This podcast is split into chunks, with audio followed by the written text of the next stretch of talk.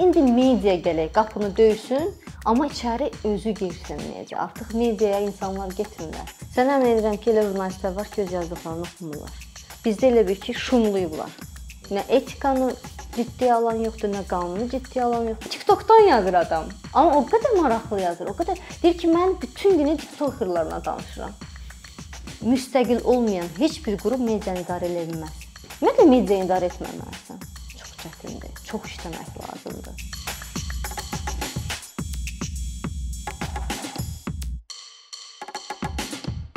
Sahilə salam. Salam. Xoş. Xoş xoş gördük. Uzun müddətdir görüşmürük. Sən axırıncı dəfə bilirəm ki, New Yorkda təhsil almağa getmişdin. Kolumbiya Universitetinə. Doğru. Sən universitetə Kolumbiyada təhsil almağa getməmişdən qabaq da jurnalistikada özünün müəyyən bir necə deyim, hörməti olan bir insan idin, jurnalist idin və getdin orada inanıram ki, tamamilə fərqli bir mühiti gördün, fərqli insanlarla işlədin. Səndə ümumiyyətlə nə dəyişdi bu New Yorkda təhsil təcrübəsi? Təşəkkürlər Ruslan. Çox sağ ol. Mənim üçün çox ağır keçmiş bir ili xatırlatmalı olacağam. Ə, xatırlamağa, yəni belə deyək, ə, xatırlamalıyam həmin ili. Çox çətin belə deyək, Amerika təhsil sistemi insanı çox işlədən sistemdir. Amma bu çox işləmək, zəhmət çəkmək sənin nəhayətində, nəticəsində yaxşı bir məhsul ya insan olaraq yaxşı bir məhsul kimi, kadr kimi yetişməyinə səbəb olur və ə, nələrsə əldə etməyə və axıra qədər sona kimi nələrsə əldə etməyinə kömək olur. Yəni Azərbaycan mühitində zaten biz müstəqil media ilə hər zaman çalışmışam. Uzun illər Azadlıq radiosunda işləmişəm və sonra Azadlıq radiosu qapanandan sonra qısa olaraq zəhmət olmasa deyərdin də, məhz hansı fakültədə, hansı ixtisas üzrə Məndə ə, Master of Science ə, General gedir. Hı -hı. Mən sözün açığı sırf dokumentary sənədli filmlər Hı -hı. üzrə oxumaq istirdim, amma təhsil çox bahadır və mənim təqaüdüm ə, sırf öz backgrounduma, öz belə deyək, təcrübəmə görə qazandığım ə, belə scholarship təqaüdüm ə, yetmədi ki, mən sırf ə, sənədli filmlər üzrə ə, bitirə bilim, amma mən elə bir ə, belə qrupu seçdim ki, sırf 2-ci semestr sənədli filmlərin ə, belə deyək çəkilməsi və ümumiyyətlə production ilə ə, məşğul idi. Yəni ümumi adı belə gedirdi ki, jurnalistika, ümumi jurnalistika təhsili və plus sənədli filmlər. Sənədli filmlər. Bəli. Yəni nə dəyişdi o sözümü ora gətirmək istəyirəm ki, Azərbaycan mühitində zaten müstəqil jurnalist olmaq çox çətindir və çox sən çox əziyyət çəkməli olursan, çox zəhmət çəkməli olursan. O zəhmət mənim üçün qeyri-adi deyildi. Məsəl üçün mən görürdüm ki, məndən 10 yaş, mən 30-larımda getdim təhsil almağa, amma Orda 20-lərində ə, gəlir gəlirdilər. Əsas məsəl üçün çoxluq 20-lərində olan ə, insanlar idi. Düzdür, o zaten ə, o limiti yoxdur da Amerika təhsilində ki, sən 40 yaşındasan, niyə gəlmisən təhsil almağa? Mənə də məsəl üçün öz yaşlıları kimi baxırlar. Heç bilmirdilər ki, mənim neçə yaşım var. Çünki onlarda o mədəniyyət var ki, səndən yaşını, hardan olduğunu, məsəl üçün niyə bura gəldin, pulu hardan tapdın? Bu sualları heç vaxt vermirlər. Bu baxımdan mənə zəhmət ağır gəlmədi, amma mühitin özünə uyğunlaşmaq. Düşün ki, səni birdən-birə Nyu-Yorkun tən ortasına atırlar. Manhattan özün bilirsən, ən bahalı, ən belə qalmaqallı bir qarışıq olan bir Səs. səsli, küllü, adam əlindən nə bilim küçələrdə yerimək olmur filan. Belə bir mühitə düşürsən və sən bilmirdim. Yəni adətən mən ə, bütün bu çətinlikləri özüm ə, aşmağa çalışmışam. Məsəl üçün tutaq ki, ingilis dili hazırlığı olsun, universitetdə application doldurmaq, düzdür, dostlarım var idi ki, mənə kömək olurdu, ailəm ə, dəstək olurdu. Amma nəhayətində sən özün bir baş açmağa çalışırsan ki, mən nə edirəm, hardayam, necə bu şeydən situasiyadan çıxacağam. Bu baxımdan hə, çətin oldu. Təhsilin özü də çətin idi. Çünki düşün ki, bütövlükdə jurnalistika təhsilini radio productiondan tutmuş, video production və sənədli filmlər və field reporting, yəni e, belə deyək, çöldə -hı. iş Bunların hamısını 9 aya sığışdırmışlar insanlar. Və orada bir deyim var ki, Kolumbiya jurnalistika tələbələrinin bayramı yoxdur. Biz Christmasda işləyirik. Biz orada Labor Day var, Fəhlilər günü var, səhv eləmirəmsə. O günləri işləyirik, Columbus Day-də işləyirik, əmək günü daha doğrusu, hə.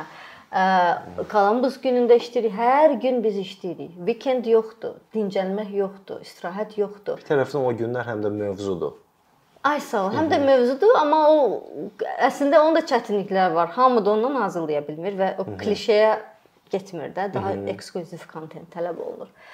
Belə, bilmirəm indi sualına tam cavab. Və sənin Azərbaycandan gəlməyin, yəni ki, bizdəki bu ə, jurnalistika backgroundundan, təcrübəndən gəlməyin ordakı sənin o praktik işlərinə, həzəri işlərinə hansı töhfələr verdi? Mənə bir baxımdan video production-ı bildiyim üçün asan oldu. Amma mən başa düşdüm ki, tam deyil. Yəni biz ta ki burada çəkiliş edirik, montaj edirik, nələrsə oxuyuruq kitablardan filan, bu tamamlaya bilməyib. Nələrsə yarımçıq qalıb. Məsələn, storytellingdir. Burada belə deyək də, hə, getdin, çəkdin, nə bilim, ondan müsahibə aldın, bundan müsahibə aldın, tamamdır, story hazırdır, amma elə deyil. Başqa bir perspektiv sənə göstərir. Yəni daha yaxşı etmək. Və sən yaxşı eləyirsən. Allah peşəkar jurnalistsən, mənim mükafat alan ə, filmlərim olub təhsildən qabaq və yaxud araşdırmalarımız olub həmkarlarımla. Hı -hı daha yaxşı. Mən də sevdiyim bir şeydir bu. Heç vaxt bir yaxşının bir limiti yoxdur. Hər dəfə daha yaxşı olur.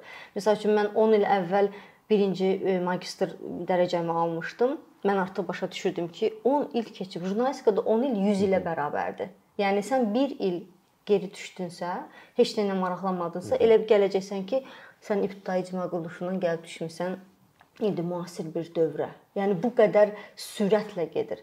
Mən məsəl üçün hər şey qatlayım, qoyum, gedim, nə bilim, Tibetə rahiblərlə oturum, 1 ildən sonra qayıdım gəlim ki, jurnalistika, mənim buraxdığım jurnalistika artıq yoxdur. Məsələn, yəni o qədər sürətli dəyişən bir sahədir. O qədər sürətli dəyişir. Məsələn, mənə CIPA-da öyrədilən TV maqazin, TV jurnal və yaxud da TV xəbərləmə və yaxud da video production, video hazırlama Orda tamam başqa cürdür. Təbii orada da seçim var. Məsəl üçün sən ya e, TV broadcasting seçə bilərsən, TV yayımı, yayımçılığını Hı -hı. seçə bilərsən. Mən heç sevmədiyim bir şeydir o gərginlik filan.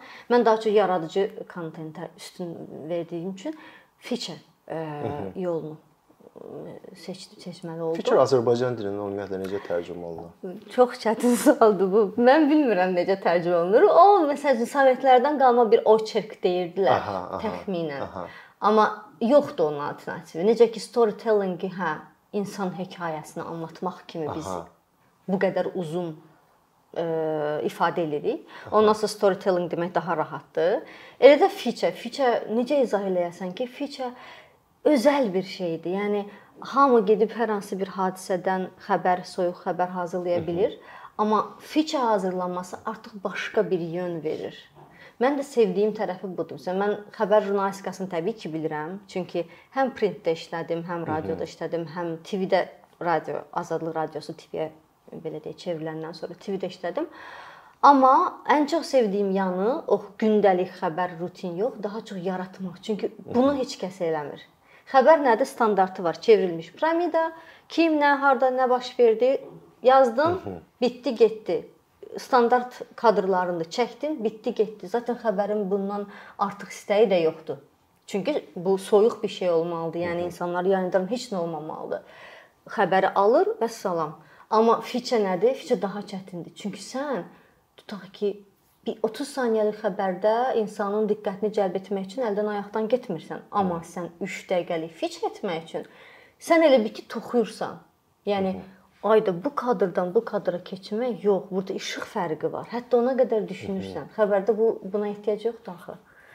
Belə çox şey oldu. E, yəni dəyişiklik mənim üçün bir növ bir level, bir mərhələ daha atlanmaq kimi. Yəni mənə orada yeni həm bacarıq olaraq, həm bilik olaraq. Təbii. Məsəl üçün mənə e, yeni olan e, əsasən ə, sənədli filmlər üzrə semestrimiz idi. Çünki mən sənədli filmlər üzrə heç vaxt ə, köklü ə, təhsil almamışdım. Mən hətta application-da yazmışdım ki, budur, budur, budur. Mən CV-mdə qeyd eləmişəm ki, mən bu sənədli filmləri çəkmişəm. Hətta indi də özümü tanıyıram ki, buna sənədli film demək olarmı? Hə, bu utanmaqla bağlı bir şey deyəcəm ki, mən ən çox xarakter olaraq da öyrədən nə oldu mənə Kolumbiya Universitetində? Hə, amma orada məsəl üçün mən yazmışdım, mən küçədə öyrənmişəm sənədli film çəkməyi. Amma mən indi istəyirəm ki, bunun bir base, bir foundation olmalıdır. Yəni bir özülü olmalıdır sənin üçün ki, 100% nəyisə var. Bax indi biz oturmuşuq, düzdürmü? Bu o çəkimin belə aurası var. Səs tonu var. Hətta yazının belə səs tonu var. Məsələn mən bunu bilmirdim. Yazırsan da, amma bizə məsəl üçün New Yorkerin çox belə deyək, məşhur yazarlarından biri dərs deyirdi professor Page Williams bizi çox ağlatdı. Mən hər gün dad eləyirdim. İnsan düşün ki, o levelə çatır ki, gəldiyinə peşman olur. Amma o peşmanlıq nədir? Yəni hətta mən review hər dəfə professorla, o boyda professora sən review yazırsan. Amerika təhsilinin gözəlliyi bundadır da. Düşün də, adam Pulitzer jurisinin ən vacib ə, şəxslərindəndir və sən o review yazsan ki, mənə belə dərsi belə keçmədi, belə keçdi. Ona məsəl üçün ifritə deyənlər də vardı ki, belə keçmədi, belə keçdi, bizi incitdi, nə bilim nə etdi. Amma mən məsəl üçün reviewlarımda da yazmışdım ki, öldürdülər. E, daha doğrusu bizi öldür daha doğrusu yəni öldürmək istədilərmi ifadə eləməyə qoy doğru ifadəni tapım. Yəni çox çətin oldu amma biz ölmədik. Hə. Təxminən belə ifadə eləmişdim ki, çox çətin oldu, amma biz ölmədik. Belə bir mərhələ deyərdim ki, artıq başqa cür görə bilirsən hər şeyi. Hətta filmlərə baxanda da deyirsən, aha, deməli bu adamı bu otaqda ona görə tuzdurublar ki, bu ikinci ə, dərəcəli ə, obrazdır filmdə. Artıq onu tuta bilirsən. Hı -hı. Məsəl üçün əsas qəhrəmanı sənədli filmdə filan yerdə otuzdurmaq olmaz. Çünki o həmən ə, izləyiciyə ikinci dərəcəlidir mesajını verə bilər. Rəng tonları necə olmalıdır? Səs tonları necə olmalıdır? əlavə nə olmalı, nə olmalı deyil. Bu bu şeyləri hamısı ə, elə bir ki, insana aşılanır orada. Bəs müqayisəli təhlil eləmək imkanın oldumu oradakı jurnalistika mühiti və də Azərbaycandakı jurnalistika mühiti prinsiplər etibarilə peşəkarlıq etibarilə müqayisəli təhlil edəndə özündə hansı nəticələrə gəldin? Onu bildim ki, məsəl üçün Azərbaycan çox azad bir cəmiyyət olsa, e, məsəl Amerika çox azaddır. Yəni orada da propaganda mediası var, orada da səs-küylü medialar var və həddən artıq çoxdur. Lokal medialar var. Məsələn, mən bir e, materialım sırf e, icma mediaları ilə bağlı idi, hansı ki, e, Tramp administrasiyasının səyləri nəticəsində bu lokal ə, TV-lərə dırnaqarası deyək hücum gözlənilirdi. Onların ə, maliyyələri çətinləşdirilirdi, məhdudlaşdırılırdı. Yəni müqayisə edilməzdi. Mən deyə bilmərəm ki, müqayisə rahatdır. Yəni sən kameranı götürsən, rahatlıqla gedirsən, çəkiliş verirsən. Amma ən çətini bilsənmi nədir? peşəkar mühitdə artıq etika, hüquq o qədər qabarıq görsənir ki, məsələn bizdə nədir o? Bizdə elə bir ki, şumluyublar. Nə etikanı ciddiyə alan yoxdur, nə qanunu ciddiyə alan yoxdur. Niyə? Çünki o qədər qapalıdır ki, cəmiyyət. Sən hətta bir dənə xəbərin sızmasını belə belə deyirsən ki, ayda nə gözəl ki, bu xəbər gəldi, bizə çatdı. Amma açıqlıq olduğu üçün, informasiya bolluğu olduğu üçün və azad cəmiyyət olduğu üçün artıq insanlar düşünürlər. Bilirsən, o mərhələdir ki, artıq düşünürlər. Ta ki bu adamı danışdırmaq və ya yaxud sualı belə vermək etikdir yoxsa etik deyil. Amma bizdə bu sualı kimdir düşünən? Çünki biz hələ o belə deyək, aşamana, aşa aşamaya gəlib çıxmamışıq. O mərhələyə gəlib çıxmamışıq. Onun üçün sən artıq peşəkar sənin newsroomların olmalıdır, sənin redaksiyaların fəaliyyət göstərməlidir. Çoxlu media olmalıdır. Amma bizdəki kimi çoxlu yox, bizdə də çoxludur. Görürsənmi, gündə bir media portalı yaradılır. Amma xüsusilə YouTube kanalı üzərində web, Bəli. web səhifədə, yəni onlayn medialar yaranır, gündə biri yaranır. Amma izləyicinin seçim şansı yoxdur. Çünki hamısı eyni rəngdədir bu ə, media kanallarının. Hamısı bir propaganda oyunudur. Hamısı bir ə, belə deyək də təbliğatın ə, maşını rolunu oynayır. Amerikada da var, əlbəttə ki, bu Amerika göydən düşmə bir cəmiyyət deyil ki, amma Amerikada alternativlər var. Məsələn, mən doğru xəbəri almaq istəyirəm və yaxud da mənim inamımı qazanan media var. Mən buna baxıram. Xoş deyil mənə o birisinə baxıram və rahatlıqla üz çevirə bilirəm. Bizdə nədir? 2-3 dənə ə, müstəqil medianın adını saya bilirsən. Onlar səhv eləsələr belə, sən onlardan vaz keçə bilmirsən. Niyə? Çünki başqası yoxdur. Alternativsizlikdir. Ən böyük fərq və ən böyük problem mən deyərdim ki, alternativliksiz və ə, sırf qapalı olmasıdır mühitin ki, ən böyük problem budur. Sonra bəs bu mühit ki var, bu qapalı mühit, bu oxucu və kontenti verən münasibətinə necə təsir eləyir? Yəni məsələn mən deyək ki, bu sahə üzrə ekspert deyiləm. Amma məndə həmişə belə bir ə, ə, adi bir şey deyim də, məsəl üçün müsahibə alanda mən həmişə beynimin bir tərəfində bu olur ki, bu müsahibədən oxucuya hansı məlumat gedir və oxucu geri ə, hansısa bir şərh bildirəndə hansı nüanslar ona maraqlı olsun və şərh bildirsin. E, maraqlı deyəndə mən burada hansısa belə mənasız informasiyanın yayılması baxımından danışmıram. Maraqlı yəni ki, doğrudan da həm öyrədici olsun, Dolğun. hə dolğun bir məlumat olsun da. Və bu Azərbaycanda necə özünü biruzə verir bu oxucu və kontent verən münasibəti? Um, indi mən təbii ki, doğru olmaz hamının yerinə danışım, amma mən elə oxucu baxımından Mən tək oxucuyam və açıram ə, hər hansı bir xəbər portallarını izləyirəm. Sən əmin edirəm ki, elə jurnalistlər var ki, öz yazdıqlarını oxumurlar. Nəinki oxucunu düşünürlər. Əlbəttə ki, heç sual verəndə yox. Artıq suala, müsahibəyə hazırlıq dövründə başlayır bu narahatlıq, belə xoş narahatlıq ki, mən bu müsahibədə maksimum maraqlı nəsə çıxartmalıyam. Ətraflı nəsə çıxartmalıyam. Bu artıq müsahibəyə hazırlıqdan başlayır ki, sən müsahibin kimdir? Sən o hansı sahənin peşəkarıdır?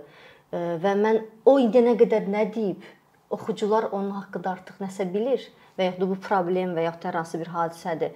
Bu bu haqqda artıq çox şey yazılıb, bəs mən nə təqdim eləyəcəm? Mən düşünürəm bu yöndə əgər e, jurnalistlər özlərini inkişaf elətdirsələr, ən azından yazdıqlarını bir oxusalar, özlərinə maraqlıdırmı? Çox belə deyək, klişeyə çevrilmiş, amma hər zaman aktual olan bir deyim var da, yəni bir anana oxu evdə bu xəbəri. Gör ona çatırmı, yəni o anlaya bilirmi ki, nə baş verir? Məsəl üçün mən anam hər dəfə ə, soruşur məndən ki, ə, mən əkinçinin bir videosunu paylaşanda da yazmışdım ki, mama, day məndən soruşma ki, Bu nə deməkdir? yəni jurnalistlər belə yazsa bizim nənələrimiz, analarımız, evimizdəkilər, dostlarımız ə, gəlib deməyəcək ki, bu nə demək istəyir ki bu xəbərdə? Yəni elə xəbər var ki, həqiqətən də oxuyursan, heç nə başa düşmürsən. Savadlı insanlarıq da, amma mən xəbəri oxuyuram, başa düşmürəm. Gör indi o hansı bir ə, səviyyədə yazılıb. Oxucunu düşünməkdə, yəni sən kim üçün yazırsan bunu? Və ya sən bunu kim üçün çəkirsən? Bu əgər o, sənin auditoriyana maraqlı gəlmirsə, təbii ki, onda heç nə. Yəni sən Yəqin ki, orada oxucunu da düşünəndə eyni zamanda hansı etik prinsiplər kontekstində yanaşmaq o da, lazımdır da. Təbii ki, o da elə bil ki, bu bir şaxəl, bir yönlü deyil də, bir neçə yola ayrılır. Həm etik məsələn düşünürsən, məsəl üçün mən filan şəkli paylaşıram. Görəsən bunu az yaşlı bir uşaq görsə əlində Facebookdadır, fırlayır, yəni e, xəbər lentini, çıxsa qarşısına özü necə hiss eləyər? Və yaxud da bunu düşünsəydilər, məsəl üçün bu dispanser narkoloji dispanser yananda Hı -hı. yanmış insan bədənlərini göstərməzdilər. Əgər bunu düşünsəydilər. Amma onlar nə düşündülər? Fikirləşdilər ki, "A, şəkillər bizdədir, biz yayırıq, birinci bizik." Vəssalam. Amma o nə qədər insana travma kimi gəldi. Hələ orada başqa etik pozuntular da vardı. O ümumiyyətlə danışılası deyil, amma e, hansı şəkli istifadə edəcəyindən, hansı görüntünü necə çəkəcəyindən, hansı sözləri istifadə edəcəyindən e, çox şey asılıdır. Məsəl üçün bizim Əkinçinin videolarına bir maraqlı komment gəlmişdi. Biz həmişə Hı -hı. sual qoyuruq epizodun sonunda. Orda məsəl üçün e, adam çox gözəl e, ifadə eləyir. Mən sevirəm belə ifadələri. Deyir ki, xəsis yox, əli cibindən uzaq. Nə gözəl, insan necə qəşəng başa düşür də, yəni. Məsələn, jurnalist belə olmalıdır. Amma auditoriyanı müəyyənləşdirirsən. Məsəl üçün sənin yaş kontentin kontingent nədir ümumiyyətlə? Yaşlılardırmı, orta yaşlılardırmı, cavanlardırmı? Sən məsəl üçün cavanlara ə, belə deyək, yeniyetmələrə sən hər hansı bir iqtisadi təhlili suna bilməzsən, türklər demiş. Yəni Hı -hı. təqdim eləyə bilməzsən. Amma maraqlı olmayacaq. Ona məsəl üçün e, New York Times e, bizə e, belə deyim, mühazirəyə gəlmiş New York Times-ın yazarı yeni pozisiya açıb, hətta sırf yeniyetmələr üçün. Düşün, Hı -hı. böyük bir, yəni qəzet redaksiyasıdır Hı -hı. və auditoriyası da çox genişdir, rəngarəngdir. Amma Ayrıca rubrikalar açıb. Məsələn, bu yeni yeniyetmələr üçün TikTokdan yazır adam. Amma hmm. o qədər maraqlı yazır. O qədər deyir ki, mən bütün günü TikTokerlarla danışıram. Yəni trendləri izləyirəm və hmm. oxunur, baxılır. Hətta təkcə TikTokerlarda bizdə məsəl üçün yaş ə, biraz daha yaşlı belə deyək.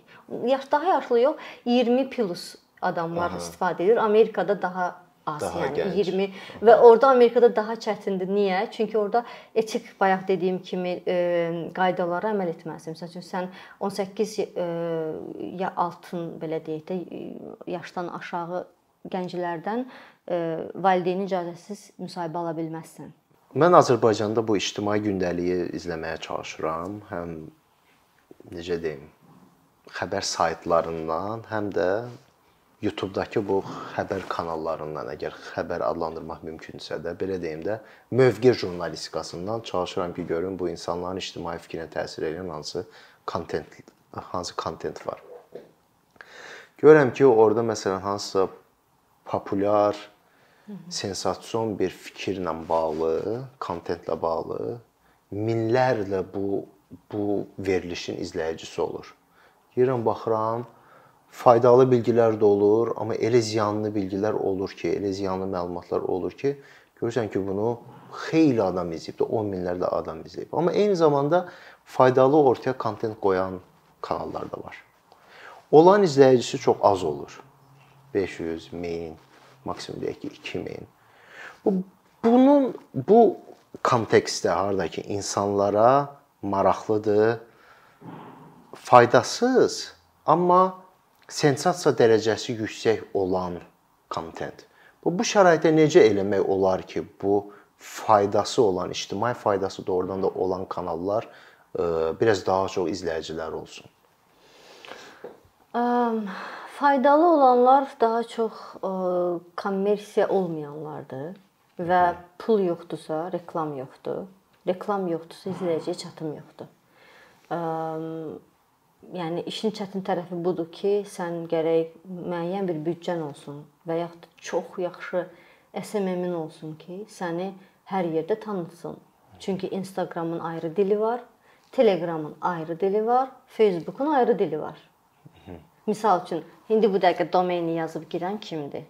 Məsəl üçün mən özüm izlədiyim xəbər portallarını Telegramdan istəyirəm, çünki mənə daha yaxşıdır. Cibimdədirlər də, yəni. İstəyirəm, girirəm, baxıram. Düz Telegramın biraz qaçarıq, qaçaraq bir xüsusiyyəti var. Yəni sonradan orada search eləməyə itirdiyini. Hmm. Yəni baxdın, getdi, baxdın, getdi, amma istəyirəmsə qalsın filan, girirəm application-a, orada ə, saxlayıram onu yaddaşda və belə izləyirəm.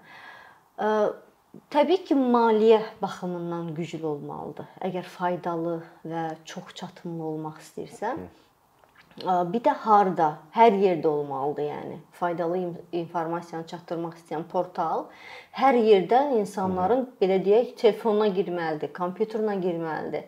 Hər yerdən özünü əvvəl necə idi məsəl üçün lap əvvəllərdə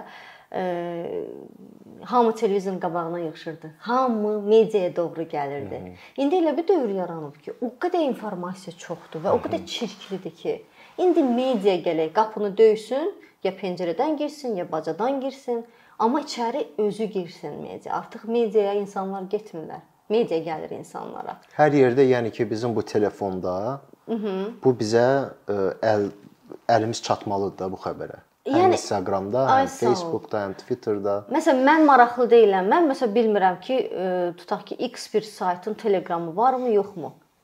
O gəlib tapmalıdır. Necəsə, yəni o izləyicilər reklamlarındamı, Facebook səhifələrindəmi? Mən hər yerdə o alqoritmi öyrənməlidir. Yəni mən e, necə bir e, təqdimat hazırlamalıyam ki, mən e, ta ki Vüsalə bunu görsün və məni izləməyə başlasın. Çünki indi e, izləyicinin, auditoriyanın, yəni insanların da belə deyək, e, bir qayğısı yoxdur ki, A, mən falan yeri izlədimmi, izləmədimmi? Əvvəllər bir verilişi qaçıranda insanlar heyfslənirdilər ki, ayda, getdi də, yəni. Ona görə vaxtını dəqiq bilirdilər. İndi onların o qayğısı yoxdur. YouTube doludur informasiya ilə, Facebook doludur. Bütün sosial şəbəkələr, TikTokda belə artıq görmüsüz də, yəni ciddi medialar TikTokda, hansı ki mən tərəfdarıyam. Hı -hı. Çünki orada da misal üçün maarifləndirmə, bilgiləndirmə, yəni bu baxımından çox çox şey əldə etmək olar. Oranın kontingenti tamam başqadır. Amma onlara ə, onlara bənzəmədən, amma onların qəbul edə biləcəyi formada təqdim eləməlidir. Məsələn, TikTok üçün ayrı bir forma olmalıdır. Biraz əyləncəli, biraz musiqili. Yenə də bu biraz daha belə engaging, daha çox belə daha fərqli, yəni cəlb eləyən. Hə, daha yaradıcı olmalısan. Bilirsən, bu bizim işimizi daha da çətinləşdirib, nə deyim. İnternetin olmağı əvvəl sevinirdik ki, a, nə yaxşı Google var, research etmək, axtarış etmək daha rahatdır, informasiya çatdırmaq daha rahatdır. Xeyr. Getdikcə daha çətinləşir. Çünki sənin auditoriyanı daha ə, məsəl üçün televiziya, radionun auditoriyasını işğal elədisə belə deyək, dırnaq arası ə, ələ keçirdisə, internet hamısınkini ələ keçirdisə, indi sosial şəbəkələr ümumiyyətlə hamısını qabaqlayıb. Yəni hə bir verilişini qaçıran girir YouTube-da baxa bilir. Yəni daha da çətindir, daha da e, çox şaxəlidir. Sən hər yerdə gedib izləyicini tutmalısan ki, gəl mənim qapıma. Və rəqabət daha çoxdur. Və rəqabət daha çoxdur. Sadəcə bizdə biraz ə, məsələ budur ki, informasiya çoxdur, amma çirklidir çirkli o baxımdan ki, sən demiş, ya sensasiyon xarakter daşıyır, ya etikanı alt-üst edirlər, e, faydasız olur daha çox informasiya, e, belə kütləyə hesablanmış bir informasiya olur. Bu baxımdan e, müstəqil və peşəkar medianın ayaqda durması çox çətindir. Çox işləmək lazımdır. Yəni sən hər tərəfli düşünməlisən, izləyicini düşünməlisən, izləyicini düşünmək o deməkdir ki, təqdimatın üzərində işləyirsən, sən əməlli başlı o taxtanı necə oyurlar belə fiqur düzəldirlər. Sən elə bir şey çıxartmalısan oyub ki, izləyici desin, "A, mənim izlədiyim Telegram kanallarında bu yoxdur, mən bunu izləyəcəm." Təxminən belə bir şey və mənim müəllimimin çox gözəl bir sözü vardı. Deyir ki, peşəkarlıq bir həddir. Ondan, yəni peşəkar olmaq nə deməkdir? Up and down, yəni aşağı yuxarı düşmək demək deyil peşəkarlıq. Peşəkarlığın bir həddi var. Sən artıq ondan aşağı düşmürsən. Bax bu çatışmır. Məsəl üçün Vüsalə bu gün bir məqalə yazdı və yaxud da video çəkdi. Okay, əla, super, gözəl, yaxşı hazırlanmış, baxıldı filan. Vüsalə başını atdı, yatdı ki, mən daha peşəkaram. Xeyr. Peşəkarsansa o videodan birini çəkməlisən ya da ondan daha yaxşı çəkməlisən. Yəni o həddən aşağı düşdünsə, oynayırsan, manipulyasiya edirsən. Yəni yola vermək, belə deyək, peşəkarlıqda o anlayış yoxdur. Salə sənin danışdıqlarından mən belə başa düşürəm ki, bu tək çox iş tələb eləmir, həm də çox maliyyə tələb edən işlərdir. Məsələn, mən ə, e, indi adlarını çəkmək istəmirəm. Ə, e, izlədiyim çox belə peşəkar sırf ə, e, telefon formatı üçün xəbər hazırlayan ə, kanallar izləyirəm. Olduqca maraqlıdır, olduqca adamın diqqətini cəlb edir. Əvvəldən axıra kimi izləyirəm, amma eyni zamanda bilirəm ki, bu sadə görünən və oxunaqlı görünən işin arxasında milyonlarla pul var. Bunlar bunu sadə şəkildə eləyə bilirlər. Bu Azərbaycanlı Azərbaycanda olan hansısa bir kanaldan, hansısa bir təşəbbüsdən bu qədər peşəkarlıq və hər bir insanın evin içinə girə biləcək təqdimatı gözləmək nə qədər realdır bax indiki maliyyələşmə kontekstində? Belə deyək, düzdür. Mən ə, e, qeyd elədim ki, maliyyə çox vacibdir. Hı -hı. Amma Azərbaycan kimi ölkədə ə, hər hansı bir oliqarx özünə media açır, qəşəng pul buraxır və başlayır çox peşəkar bir sayt yaradır belə deyək də. Yəni xəbərlər var orada, izləyicini maraqlandıran, az çox belə də yazırlar, yazırlar, videolar çəkirlər. Mən bunun da tərəfdarı deyiləm. Nə mənə tərəfdarı deyiləm? Məsələn, mən izləyirəm son trendləri. Son trendlər nədir? Tutaq ki, hər hansı bir e, televiziya, yerli televiziya kanalında e, başlanılıb tənqidi fikirlər səsləməyə. İnsanlar deyir, ayda nə baş verir görəsən? Nə dəyişiklik var? Hər hansı bir media e, platformasında pul var, auditoriyaya çatımlıq var deməkdir və görürsən ki, hansı deputatı tənqid elədilər. Hansı nə bilim, küçə, nə bilim, sökülüb filan icra hakimiyyətini tənqid edir. Adamlar deyir, ayda, gör Azərbaycanda artıq sağlam media yaranmağa başlayır.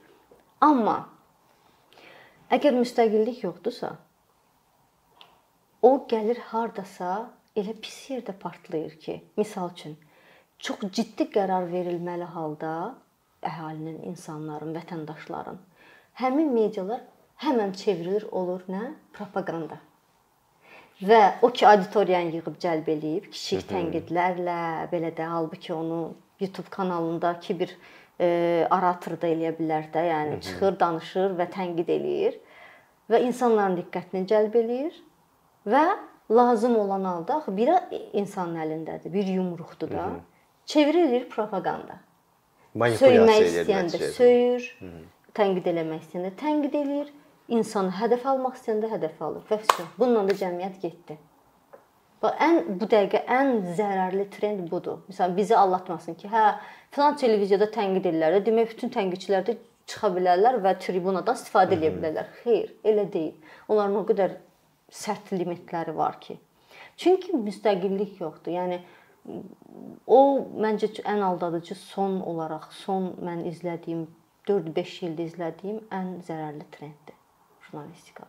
Bu sosial media yeni çıxanda belə e, çoxlu belə ümidverici hisslər var idi ki, artıq hər kəs özü öz kontentini yarada bilir. Bu nəticə etibarilə medianın azad olmasına gətirib çıxardacaq. Bir müddət həqiqətən də belə oldu və bir çox ölkələrdə bunun çox fərqli təsirini hiss elədik. Sonra nəticə etibarilə, yəni mən öz müşahidəmi deyirəm. Nəticə etibarilə nə oldu? Bizim bu klassik bildiyimiz bu media qurumları, istər xaricdə olsun, istər Azərbaycanda, onlar bu sosial medianı daha yaxşı öyrənməyə başladılar. Çünki resurs əllərində çoxdur, imkanlar Pula. çoxdur. Hı -hı. Və onlar dərhal dərhal onları e, oranı bir növ hijack elədilər. Yəni o, o, o məkanın da hakimi onlar oldu. Və artıq onlar da bu ilkin olaraq azad hesab oluna biləcək sosial mediadan özlərinin hansısa e, ifadə azadlığına zidd, müstəqil media prinsiplərinə zidd ə, fikirlərini cəmaata təqdim edirlər də. Və bu keçidin özü maraqlıdır ki, e, nəticə etibarilə biz oxucular harda ki doğrudan da əlimizdə imkanlar var ki, öz kontentimizi yaradaq, yenə də bunların qabağında məğlub olaq. Hı -hı çox maraqlı məqama toxundun. Bax mən elə öz işimizdən bir şey misal çəkmək istərdim ki, bu dəyişiklik burada iki e, narahat edici bir məqam da var, Hı -hı. amma xoş bir məqam da var. Narahat edici məqam odur ki, misal üçün Azadlıq radiosu FM-də idi. Gördülər ki, çox tənqididir, çox yəni müstəqildir, tənqididir, peşəkardır. FM-dən çıxartdılar. Azadlıq radiosu keçdi veb sayta və video kontent inkişaf elətdirdi video web artıq özünə gəlirdi, dirçəlirdi, artıq hər yerdə Azadlıq radiosunu xeyli izləyirdilər filan və sayt ofisini bağladılar və saytlarını blokladılar. Amma Azadlıq radiosu yenə bir yolunu tapdı. Artıq Telegrama gedir, artıq nə bilim WhatsApp-a gedir, artıq YouTube kanalına gedir. Yenə bir yol. Yəni media, azad media, ümumiyyətlə peşəkar jurnalist mütləq bir yolunu tapacaq. Axıcıdır da. Axıcıdır. Aha, amma Pis tərəf də odur, narahatlıq verən məqam odur ki, e, hakimiyyətlər də əllərini belə qulaqlarının ardına qoyub rahat yatmırlar. Elə gözəl işləyirlər ki. Yəni Hı -hı. İzləyirlər, baxırlar, hardan qapatmaq olar, hardan bu sızmanın qarşısını almaq olar və onu hə, belə deyək də addım atırlar. Misal üçün bu yeni agentlik yarandı və çox səs-küyə səbəb oldu da media adında, media inkişaf agentliyi. Əsasnaməsi, nizamnaməsini oxuyursan, orada yazır ki, bəli, azad mediaya dəstək, söz azadlığının təmin olunması və bu media outletlərin inkişafına dəstək edilməsi. -hı. Alqışlayırsan. Ay, nə gözəl. Bu abzas adamı belə heyran eləyir. Hı -hı. Amma gəlirsən nizamnamənin aşağı qatlarına, baxırsan ki, bu agentlik özü hara tabedir? Bir şəxsə. O da prezidentdir. Prezident bu agentliyin ə, icraçı direktorundan tutmuş şura üzvlərinə qədər təyin edə bilər, ləğv edə bilər, daha doğrusu işdən çıxara bilər və prezidentə bu agentlik yalnız təklif verə bilər. Hər hansı bir şey dəyişə bilməz, hər hansı bir qərarı qəbul edə bilməz. Bu nə deməkdir? Monopoliya. Yəni bir əldə cəmləşmiş bir qurum bizdə Azərbaycanda media outletlərin, onlayn platformaların gələcəyini həll eləyəcək. Bu bir növ Rusiyadakı media Rusiya Media Regulyator adlı bir qurum var. Hı -hı dövlət e, qurumudur. Təxminən onun prototipidir. Yəni necə ki orada ə, səhv eləmirəmsə elə bu bu aralarda Navalny məsələlərində ə, bu protestlər dövründə o regulyator qərar çıxartmışdı hətta ki, bütün şeylər yığışdırılsın videolar Navalny protestləri ilə bağlı. Yəni bizdəki bu agentliyində o ixtiyarı var ki, administrativ ə, inzibati ə, xətalarla bağlı hərəkətə keçsin. Bu bizdəki agentlik mən də bunun statusunu anlamaq istəyirəm. Hı -hı. Bu ə, e, dövlət agentliyidir. Kütləvi informasiyaların inkişafına dəstək e, qurumu ki yox idi. Aha. O ləğv edildi. Daha doğrusu ləğv edilmədi. Bu onun e, bir növ nəzdində yarandı. Ondan onun varisi sayılır. Aha. Onun elə bir ki üzərindən yeni update olunmuş variantıdır. Amma heç bir şey dəyişmir. Və bunun statusu ictimai qurum deyil, bu daha çox dövlət qurumudur, belə başa Yəni belə deyək də təqdimat elə edilir ki, medianın ə, e, kömək kömək olacaq, mediaya dəstək Hı -hı. olacaq peşəkar mediaya, amma işliyinə baxdıqda ə, e, yəni nə gözəl elə olsaydı, Hı -hı. amma mən ə, e, düşünürəm ki, müstəqil olmayan heç bir qrup medianı idarə edə bilməz. Ümumiyyətlə media idarə etməməlisən. Yəni media buraxırsan ictimai qınaq var. İnsanların etibarını itirən media anlayışı var. Medianı insanların etibarı ilə idarə etmək olar. Yəni etibarını itirdi, insanları aldatdı, vəssalam, çıxdı getdi o. Artıq yoxdur o media, öldü o media. Amma sən hər hansı bir qurum yaradırsan və medianın inkişafı ilə bağlı e, nə planlar həyata keçirirsən. Keçirmə belə planlar. Sən media azadlıq ver. Reklam bazarını azad burax. Media öz özünü dolandıracaq zaten və zəhmət çəkəcək o media peşəkar olacaq. İcazə ver bu yöndə bir dənə Əlbəttə, ə, e, tənqidi bir sual verim. Ə, e, bu belə bir doğrudan konvensional inam var. Bu da daha çox qərbdən gələn bir ənənədir ki, ə, e, media reklam cəlb eləsə daha azad olacaq. Hı -hı. Ə, və nəticə etibarilə ə, oxucuların marağını, ictimai faydanı daha çox ifadə eləyəcək. Mən razıyam ki, müəyyən müqayisəli yanaşsaq, müəyyən mənada burada həqiqət var.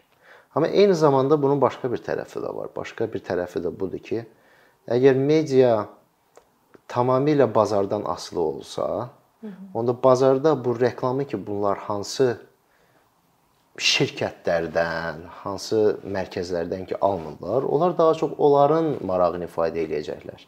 Nəinki oxucunun marağı. Məsələn, Amerikada biz bunun bariz nümunəsini görürük. Mənim ə, bir neçə ay bundan qabaq oxuduğum kitabda belə bir ə, çox maraqlı bir hissə var idi ki, 80-ci illərə qədər Amerikada 60 və yaxud da 80 idi, səhv eləmirəmsə, ən azı 60 idi. Fərqli-fərqli media qurumları var idi və onların da altında müxtəlif radiolar, qəzetlər və s. Umbrella, çətir formasında olur, hə. İndi bunun sayı, bunun sayı 6 və yaxud da 8-dir. Yəni get-gedə bu azalıb və o müəllif də bunu onunla izah eləyir ki, bu artıq bazarın özünün media e, üzərində yaratdığı avtoritar nəzarət formasıdır da.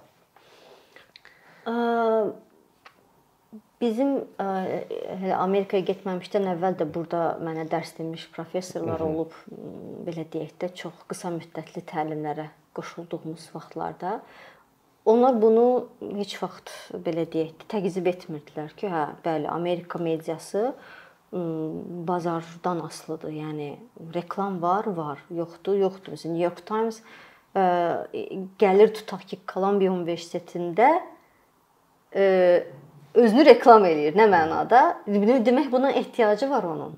Yəni onlar heç vaxt onu boş buraxmırlar ki, ah biz çox nəhəng bir media korporasiyayıq. Bizim ona ehtiyacımız yoxdur. Xeyr, ona ehtiyacları var. Amma hə, bizim professorlar, məsəl üçün müəllimlər filan gəlirdilər və özlərinə çap mediasının nümunələrini götürdülər və hər zaman etik e, məsələlər və yaxud da maliyyələşməsi ilə suallarımız olanda həmişə açırlar, göstərdilər. Bax, deyir, Burada tutaq ki, filan şirkətin məhsulunun reklamıdır. Amma o biri səhifədə həmin məhsulla bağlı tənqidi yazıdır. Bizim azadlığımız deyir bu qədər ə, e, rahat qorunur. Yəni ə, e, istehsalçı və yaxud hər hansı bir şirkət, qurum məhsulunu təqdim edirsə bizim outlet üzərindən, indinin özündə də belədir. Biz o haqqı vermirik. Azadlığımızı toxunmamaq haqqımız var. Yəni biz azadlığımızı qorumaq haqqımız var. Xoşdur sənə, buyur, özünü reklam eləyə bilərsən. Xoş deyilsə, yəni anlaşa bilmərik. Yəni güzəştə getmədikləri sırf media azadlığıdır. Yəni mənim səni tənqid etmək azadlığım var. Sabah mənim jurnalistim sənlə bağlı problem olanda mən redaktor olaraq ona heç bir qadağa qoymayacağam. Əksinə, deyəcəm onu daha dərindən araşdırmaq lazımdır. İndi də belədir. Yəni düşünürəm ki, Amerika jurnalistikasında bu sırf bu məsələ peşəkar jurnalistikada, e, peşəkar platformalarda bu heç vaxt güzəştə gedilməyib. Yəni e, bizdə isə təbii ki, əksinədir. Bizdə pulu verən insan e, mahnını sifariş edən insandır və istədiyi halda barmağını hansı xəbərin üzərinə qoyub bunu çıxart deyə bilir. O nəyə görə elə baş verir? Çünki axı bizdə azad bazar iqtisadiyyatı yoxdur. Məsəl üçün hansısa sahibkar azad deyil. O bilir ki, onun maliyyələşdirdiyi və yaxud da məhsul verdiyi qəzet əgər tutaq ki, prezident ailəsini və ya hər hansı bir nazir tənqid edirsə, sabah onun bazarı öləcək. Amma Amerikada ölmür axı bazar. Sadəcə kimsə narazıdırsa həmin şirkətin məhsulundan gedir məhkəməyə verir. Məhkəmə də azad olduğu üçün ədalətli qərar çıxardır. Ya cəzalandırır, ya da cəzalandırmır. Bizdə nə olur? Məhkəməyə verirlər və yaxud da heç bir əsas olmadan təqsirləndirilir insan, şirkət bağlanır, bank bankrot olur və salam. Bununla da işi bitir. Məsəl üçün mən o dövrlərdə uşaq idim, amma bizim müəllimlərimizin danışıqlarından bilirəm ki, 90-larda Azərbaycanda mediada o bazar var idi, amma sonradan artıq tənqidlər belə deyək də daha çoxaldığı üçünmü, yəni necəsə artıq müxalif yönlü qəzetlərdən reklamlar yığılmağa başladı. Məsələn, Azadlıq radiosu, e, Azadlıq qəzeti can verə-verə belə deyək, sonlandırdı öz ə, e, çapına. Azadlıq qəzeti çox belə deyək də ağır bir duruma düşdü, sonlandırdı. Çünki nə reklam var idi, nə dəstəkləyən var idi, nə də ki onun e, belə deyək də e, üzvlük məsələsi var idi ki, ona dəstək olunsun. Artıq onlayn mediaya keçirilmişdi.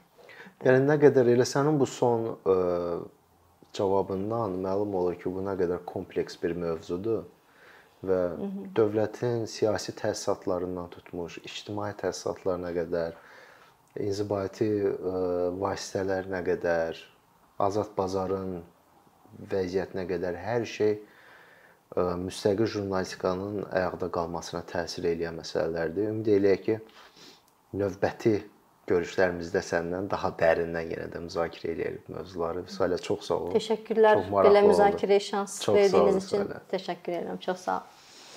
Əkinçinin yeni videoları haqqında məlumatlı olmaq üçün kanalımıza abunə olmağı və xəbərdarlıq funksiyasını aktivləşdirməyi unutmayın. Bununla bərabər gördüyümüz işlərin davamlı olmasını istəyirsinizsə, bizim patronların sırasına qoşulmağınızı rica edirik. Əkinçinin Patreon icmasının üzvü olaraq siz bizim təşəbbüsə dəstək göstərməklə bərabər hazırladığımız materialları hər kəsdən öncə izləmə imkanı əldə edəcəksiniz. İmkandan istifadə edərək cari patronlarımıza işlərimizi davam etməyə yardım olduqları üçün dərin təşəkkürümüzü bildiririk.